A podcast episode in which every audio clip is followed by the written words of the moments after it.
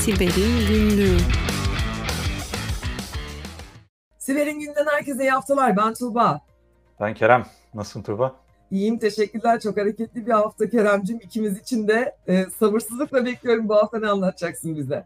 Bu hafta e, casus yazılımlardan ara ara bahsediyoruz biliyorsun. E, daha çok da Pegasus'tan bahsediyoruz. NSO, İsrailli şirket NSO'nun yarattığı Pegasus yazılımının çeşitli ülkelerde kullanılması hakkında bol bol haber düşüyor.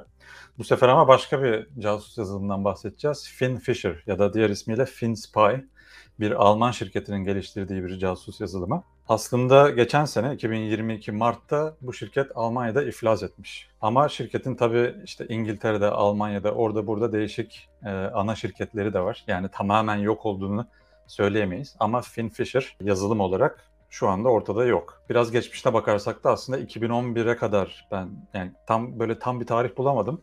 Ama 2011'de Mısır'da e, bazı dokümanlarda adı geçmiş. 2012'de başka bir ülkede kullanıldığı haberi çıkmış.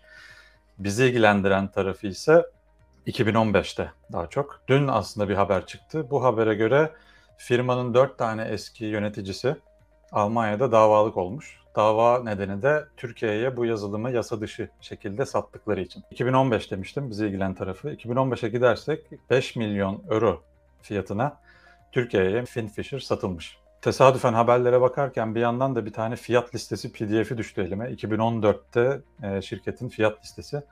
Orada böyle hani bayağı da detaylı bir tablo. İşte indirimli fiyat var, e, reseller fiyatları var falan filan. Böyle oradaki detaylı tabloda işte eğitim dahil, o bölümü dahil, bu aracı dahil vesaire 3 milyon euroya kadar çıkıyor fiyatı. Ama biz bunu 5 milyon euroya almışız. E, o 2 milyon, aradaki 2 milyonun ne olduğunu bilmiyorum. Girmeyelim de çok o konulara. 2015'te Türkiye'ye satılmış. 2017'de asıl bu Türkiye'de haber oldu bu yazılım. Çünkü adalet yürüyüşü vardı e, biliyorsun. İşte Kemal Kılıçdaroğlu'nun yaptığı. E, bu sırada, bu yürüyüş yapıldığı sırada Twitter'da bolca hashtag adalet için yürü tweetleri dolaşıyordu.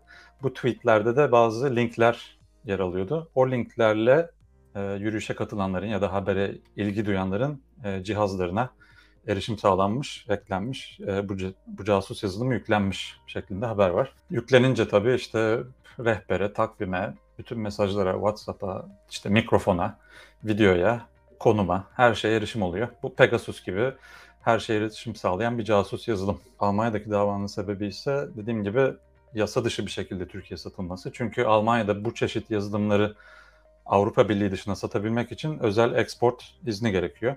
Ya bu zaten Amerika'da da böyle yani çoğu ülkede böyledir zaten. Ülke dışına export edilen güvenlik yazılımlarında oluyor bu. Bu arkadaşlar böyle bir izin almamışlar. Hatta satışı gizlemek için Bulgaristan'da bir şirket üzerinden satışı gerçekleştirmişler. Ama sonuç olarak ortaya çıkmış. Ee, şu anda da dava sürüyor diyebilirim. Sanırım 2019'da aslında dava açılmış. Şimdi o dört yöneticiye odaklanılmış. Bir takım sorular ortaya çıkaran bir haber. Hani bir gün mesela Pegasus'un da sonu gelir mi? FinFisher'ın sonunun şimdilik geldiği gibi. Ya da FinFisher'ın yeni ismi ne olacak? Belki yani şimdi bunu kapattılar ama şirketin ana şirketi e, Gamma sanırım yeni bir yazılım çıkaracaktır yani önümüzdeki günlerde. Başka tarafına bakarsak hani bu muhalefetin cihazlarının hacklenmesi ve izlenilmesi üzerine neden bu haber Türkiye'de daha da büyü, büyümedi, neden takip edilmedi, edilmedi? Burada da bir takım bilinmezlikler var. Biliyorsunuz hani belki bu kısmı keseriz videoda ama. E, tabii en temelinde böyle yazılımların hani devletler tarafından sadece bizde değil bir sürü ülkede satılan bir yazılım bu. Bir sürü ülkede bu çeşit e, amaçlarla kullanılması tabii ki üzücü, endişe verici. Evet Kerem burada şunu anlamaya çalışıyorum ben şimdi. Haber çok inanılmaz bomba bir haber. Bir defa bunu söyleyeyim. E, tam olarak şunu anlamaya çalışıyorum. Şimdi NSO'nun geliştirdiği biliyorsun İsrail'de Pegasus aslında e, bir güvenlik aracı olarak e, yazılmışken silah yani susturucudan silah ya da kalkandan silaha e, döndürülmesi gibi bir durumda söz konusu orada. Hani biz terörist grupları izleyelim, onları hackleyelim vesaire derken aslında yanlış ellere geçen e, bir uygulama. Evet orada da ülkeler arası satış vesaire söz konusu ama Sonuçta biz terörist izleyeceğiz derken bir bakıyorsun gazeteci izleniyor. İşte ya da bir bürokrat izleniyor ya da bir e, kamu yetkilisi, kamu otoritesi birisi de bir otorite figürü de izlenebiliyor. E, benzer durumun burada da olduğunu e, anlıyorum ve varsayıyorum. Evet oradaki alım belki o ülkenin regülasyonuna çok uygun olmayabilir. Başka bir aracı bir ülkeye satılmış, oradan sonra Türkiye'ye getirilmiş gibi olabilir. Ama burada sosyal medya üzerinden bunu publish ederek, yayarak aslında bir zararlı haline getirmek ve izlenmesi istenmeyen insanların da izlenmesine sebebiyet verme gibi bir e, durum söz konusu. Yani farklı ellerin eline geçmesi gibi bir durum söz konusu diye anlıyorum. Yani davaya konu olup bu kadar şey olup Türkiye'de gerçekten bunun haberinin yapılmamış olması dediğim gibi çok ilginç, çok iyi yakalamışsın Kerem. Çok çok teşekkürler. Buradan referans da benim Siber Bülten diye bir web sitesine denk geldim. Bu son gelişmelerin haberini. Hani oradan aktardım ama başka yerde ben de karşılaşmadım. Kendilerine de teşekkür ediyorum o zaman. Peki. Ee, sen ne paylaşacaksın bizimle? Sınırda benimki de yine sıklıkla başımıza gelen aslında bir herkese böyle bir farkındalık ayında da değiliz ama herkese bir farkındalık yaratmak istediğim özel bir konu. Ee, sadece bugünün konusu değil her zaman başımıza gelen bir olay ama son dönemde ben de çok fazla deneyimliyorum. Kendi çevremde de çok fazla görüyorum. Bu taklit domainler meselesi. Ee, şöyle ki arkadaşlar son dönemde özellikle uzak doğu menşeili e, firmalarla iş yapıyorsanız burada daha fazla olduğunu gözlemlersiniz. Maalesef özellikle tedarikçi rolünde olan şirketlerin hacklendiği, bu şirketlerin e-maillerine bir şekilde erişildiği ve bu erişimler biliyorsunuz çok çok kolay. Birçoğu multi-factor authentication'ı bırak iki faktörlü doğrulama bile kullanmıyor. Yani cep telefonuna bir SMS gelsin veya işte impossible travel dediğimiz, conditional access dediğimiz güvenlik önlemlerini almıyor. Nedir bunlar? İşte aynı kullanıcının e, web üzerinden e-mail adresine dünyanın başka bir lokasyonundan girilmesi gibi. E, isim vermekte bir görmüyorum. Microsoft teknolojilerinde bunları sağlayabiliyoruz. Farklı e-mail providerlarda da var. Ama bunların mutlaka devreye alınması gerektiğini e, bir kez daha hatırlatmak istiyorum. Zira yaşanılan örnekler şu şekilde.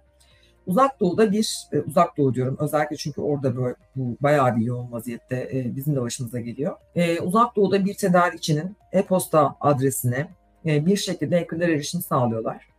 Ve e, bir müddet oradaki mailin içerisinde yaşayıp okuyup işte oranın ticareti hakkında bilgi ve fikir sahibi edindikten sonra artık böyle işin pişmiş, satışa dönüşmek üzere olduğu veya faturaya dönüşmek üzere olduğu, artık paranın tahsil edebileceği seviyeye kadar e, içeride kalıp izleyip daha sonra bir taklit domain açıyorlar ve tedarikçinin mail adresinde çok kaba tabiriyle Outlook'ta birkaç tane rule yazıyorlar. Diyelim ki ben müşteriyim, sen de satıcısın Kerem senin mail hesabını ele geçiriyorlar. E, zaten daha kolay. Sen uzak doğu tarafındasın ve güvenliğe çok fazla ee, özellikle Asya'da biliyorsun çok fazla dikkat edilmiyor. Hack grupları da orada cirit atıyorlar. Ve işte senin e-posta adresine bir şekilde erişim sağlandı. E-posta hesabına giriş yapıldı. Bir müddet izlendi. Baktılar ki evet Tuğba güzel bir müşteri burada bu iş bitmek üzere. Kerem yakında Tuğba'ya fatura kesecek yaşasın deyip oluşturunu oluşturuyorlar. Ve daha sonra senin mailbox'ında aslında Outlook'da bu çok basit kurallar yazıyorlar. Diyorlar ki Tuğba'ya gelen e, Kerem'den gitmesi gereken mailleri gönderme. Tuğba yerine Muba'ya gönder. Tuğba'dan Kerem'e gelecek olan mailleri de onun inbox'ını düşürme, onun yerine şu gönderdiğimiz bizim kendi mailbox'ımıza gönder şeklinde aradaki adam saldırısı yani hepimizin bildiği man in the middle attack. Bu network katmanında falan olan bir şey değil ee, ya da işte özel bir paket dinleme falan değil. Doğrudan Kerem'in mailbox'ını ele geçirmeye yönelik bir atakla başlayan bir olaylar silsilesi. E, insanlar şurada şu hataya düşüyorlar Kerem. Bunu da çok sık gözlemliyorum. Sanıyorlar ki hackerlar burada sanki bizim konuştuğumuz lisanı biliyor. Mesela örnek veriyorum ben bir kumaş e, siparişi vereceğim. Seninle kumaşın işte kaç den olduğu işte ne bileyim onun işte spekleri, kalite spekleri vesaire üzerine yazışıyorum falan. İnsanlar zannediyorlar ki hackerlar bu metinleri yazıyor. Hayır. Benim sana yazdığım maili adam alıyor, içindeki metni kopyalıyor ve sana gönderiyor zaten. Tek farkı Tuğba'nın mail adresinden değil taklit başka bir domainden gönderiyor. Örnek veriyorum benim mail adresimin uzantısı Gmail ise Gmail değil de Kmail diye bir şeyden gönderiyor bunu ve sen bunu fark etmiyorsun. Çünkü orada hala Tuğba Öztürk görüyorsun. Adresin etten sonrası kısmını fark etmediğin için, kontrol etmediğin için bu taklit domain ya da lookalike domain dediğimiz hadise de bu. Yani bu adreslerden gönderiyorlar sana maili e, senden gelecek olan mailleri bana ulaşmasını zaten engelledikleri için de senden gelen bütün metinleri okuyorlar. Onların içerisindeki o teknik teknik yazışmaları da bana yine taklit bir domain üzerinden yine Kerem Kocaer at gmail yerine kmail gibi bir mailden gönderiyorlar ve ben de bunu fark etmiyorum. Şimdi taraflardan bir tanesi bunu fark edene kadar bu iş böyle yürüyor gidiyor. Ta ki ne zamana kadar? Fatura aşamasına gelene kadar. Bir fatura kesiyorsun sevgili Kerem ve içerisinde tabii ki senin kurumuna ait işte IBAN, SWIFT bilgilerin vesaire var. Normal şartlar altında uluslararası ticaret yapan bir firmanın ne boyutta olursa olsun bu ödemeyi yapmadan evvel o IBAN, o bank bilgileri, bank account, bank hesabı e, detayları doğru mu değil mi diye başka bir kanaldan, mail dışında başka bir kanaldan bunu teyit etmesi gerekir. Ne yapabilir bununla ilgili? Bankasına gidebilir. Kerem bana böyle bir IBAN bilgisi ulaştırdı. Ve Kocaer Limited şirketimin banka hesap bilgileri bu mudur? Bir kontrol edelim. Ben doğru hesaba para gönderdiğinden emin olmak istiyorum gibi. Finansçıların anladığı dilden e, konuşamıyoruz biz ama onlar ne demek istediğimizi anlayacaklardır. Bu kontrolleri aslında yapıyor olmaları lazım. Özellikle uluslararası para transferinde. Bu kontroller sağlıklı yapılmazsa ve eğer arada gerçekten işinin ehli bir muhbir banka deniyor buna. E, aracı bankalar var biliyorsun. Hani Türkiye'den ben şimdi Londra'ya sana para göndermeye çalışsam en az bir duraktan sonra sana ulaşıyor. Direkt gerçekleşmiyor bu para transferi. Dolayısıyla o muhbir banka olan o aradaki bankanın mutlaka bunları kontrol etmesini bekliyoruz.